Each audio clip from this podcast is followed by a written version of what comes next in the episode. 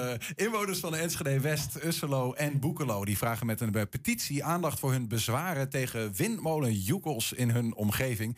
2,5 keer de Alfa-toren, dat is inderdaad best hoog. In vier dagen tijd hadden ze 800 tegenhandtekeningen op. Een burgerbelangenraadslid Barry Overink, je hoorde hem al even... die stelde de vragen over aan het Enschedese college. Barry, welkom. Ja, goedemiddag. Um, 800 ondertekenaars, best een hele hoop. Die zeggen allemaal not in my backyard. Uh, ja. Inmiddels zijn er trouwens bijna 1100 handtekeningen. Ah, dat uh, advertentie, of het stuk in de krant heeft uh, flink bijgedragen aan de petitie. Mm -hmm. mensen zien eigenlijk nu ook pas wat, wat dit voor effect in hun leefomgeving gaat hebben, omdat het nu ook ter inzage ligt.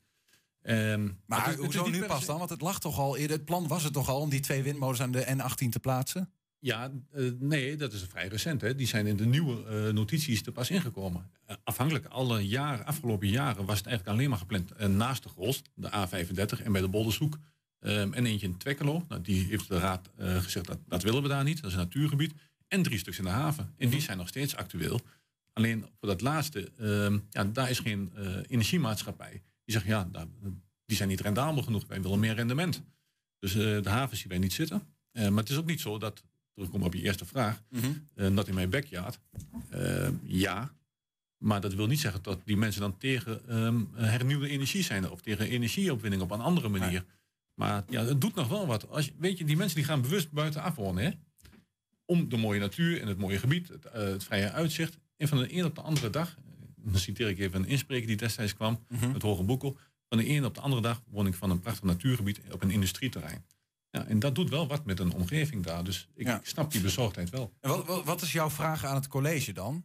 Ja, dat zijn meerdere dingen. Um, ten eerste, ik wil, er is heel veel onrust ontstaan in uh, Enschede West. Hè? Boekelo, Usselo, Twekkelo. En het gaat over die twee aan de N18? Drie. Over drie stuks? Ja, drie uh, windmolens van uh, 240 meter hoog, zeg maar ongeveer. Um, en daar zijn inderdaad de zorgen over.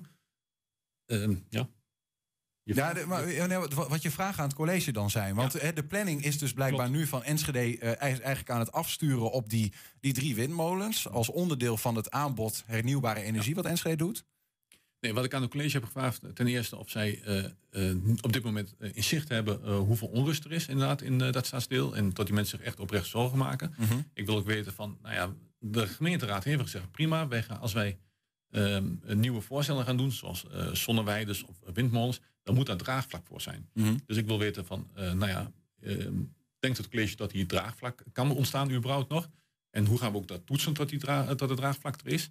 Um, en wat ik wel heel belangrijk vind, um, is mensen kunnen op dit moment een zienswijze indienen. Dus dat betekent eigenlijk, uh, nou ja, op het moment dat je bezwaar hebt, kun je daar nu, de komende weken tot 1 april, kun je daar een brief, een reactie sturen naar de gemeente Enschede. Zeggen, dit zijn mijn bezwaren, waarom mm -hmm. ik dat vind. En dan kun je het onderbouwen. En dan wordt het meegenomen in de afweging. Um, waar ik daarom heb gevraagd is, um, het is een, een, klein beetje een ongelijk speelveld. Heel veel inwoners die weten god niet wat een zienswijze is. En dan moeten ze er ook nog eentje gaan opstellen. Uh, dan moet je het ook soms nog juridisch onderbouwen waarom je iets vindt. Eh, want uh, er zijn allemaal best wel juridische stukken en technische stukken. Nou ja, inwoners zijn daar niet altijd uh, zelf toe uh, in staat om dat te doen. En dat zagen we destijds in de toeslagenaffaire bijvoorbeeld ook, wat daar gebeurde. Ja. En daarvan vind ik dus echt, dat heb ik ook het college gevraagd, van zouden we met als gemeente ook niet zeggen, moeten zeggen van wij willen veel meer professionele ondersteuning en onafhankelijke ondersteuning bij het mm-hmm. opstellen van die zienswijzes. Mm -hmm. Daarmee wil ik niet onze eigen weerstand creëren, maar ik vind wel dat er een gelijk speelveld moet ja, ontstaan. Ja, ja, dat is nobel, denk ik. Um, tegelijkertijd Kijk, even stel nou de kans. Eigenlijk gebeurt dat nu al. Als je 1100 ondertekeningen hebt, dat is nogal wat. Um, wat moet de gemeente daar dan mee? Want uiteindelijk is er ook gewoon de werkelijkheid dat Twente en dus ook Enschede een bepaalde opdracht heeft om hernieuwbare energie voor elkaar te boksen. En daarvan wordt nu gezegd: windmolens zijn wel de meest effectieve manier. Ja, dat klopt. En bij mij is het dan ook niet zo, als ik de gesprekken aanga met de inwoners van oké, we willen geen windmolens, we doen geen windmolens. Nee, uh, bij mij is echt het gesprek bij ons bij burgerbelangen van prima als je het één niet wil, maar hoe dan wel? Uh, want anders heb je geen gesprek met elkaar. Dat wil je ook bij die, bij die bewoners dan neerleggen? Nee, ja, precies. Want ik, en ik had vanmiddag nog een heel uh, leuk gesprek met een inwoner van, uh, uit Usselo. En die zegt ook van, ja weet je, laat ons gewoon onze eigen opgave realiseren. en dat vind ik eigenlijk ook. Per stadsdeel moet je gewoon echt kijken van, wat kunnen de inwoners zelf bijdragen. want mensen willen daar echt wel aan meewerken hoor. Mm -hmm. Dat is echt niet het probleem.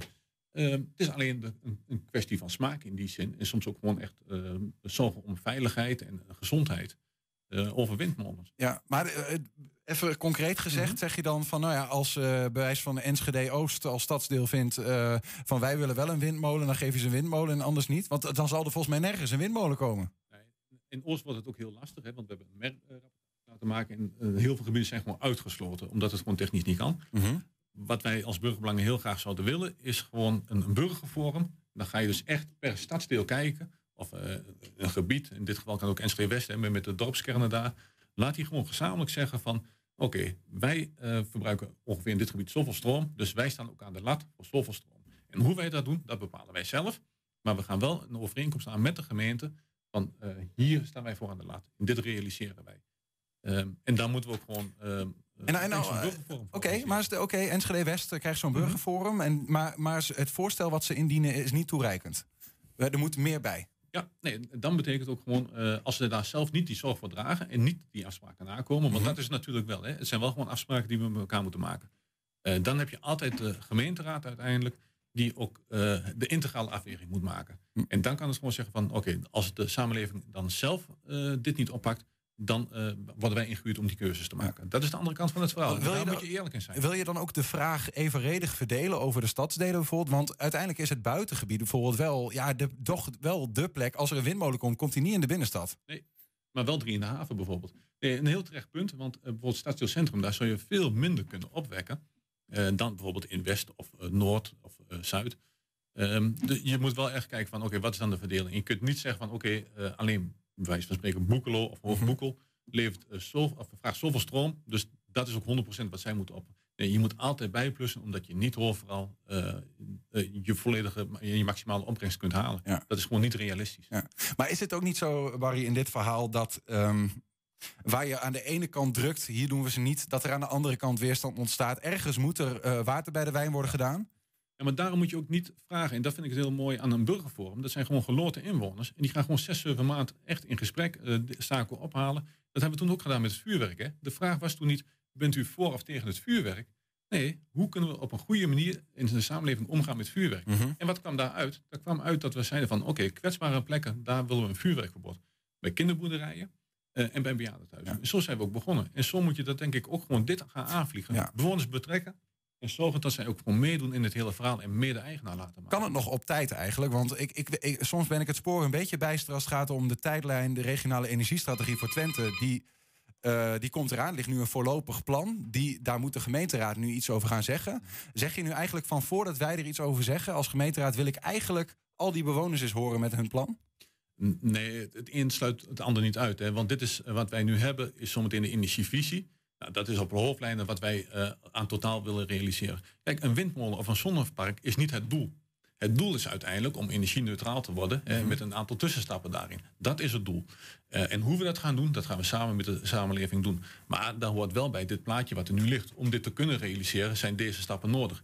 Daarmee zetten we deze stappen nu niet in het beton. Dus dat wil niet zeggen dat inderdaad windmolens of zonnepanelen uh, nodig zijn.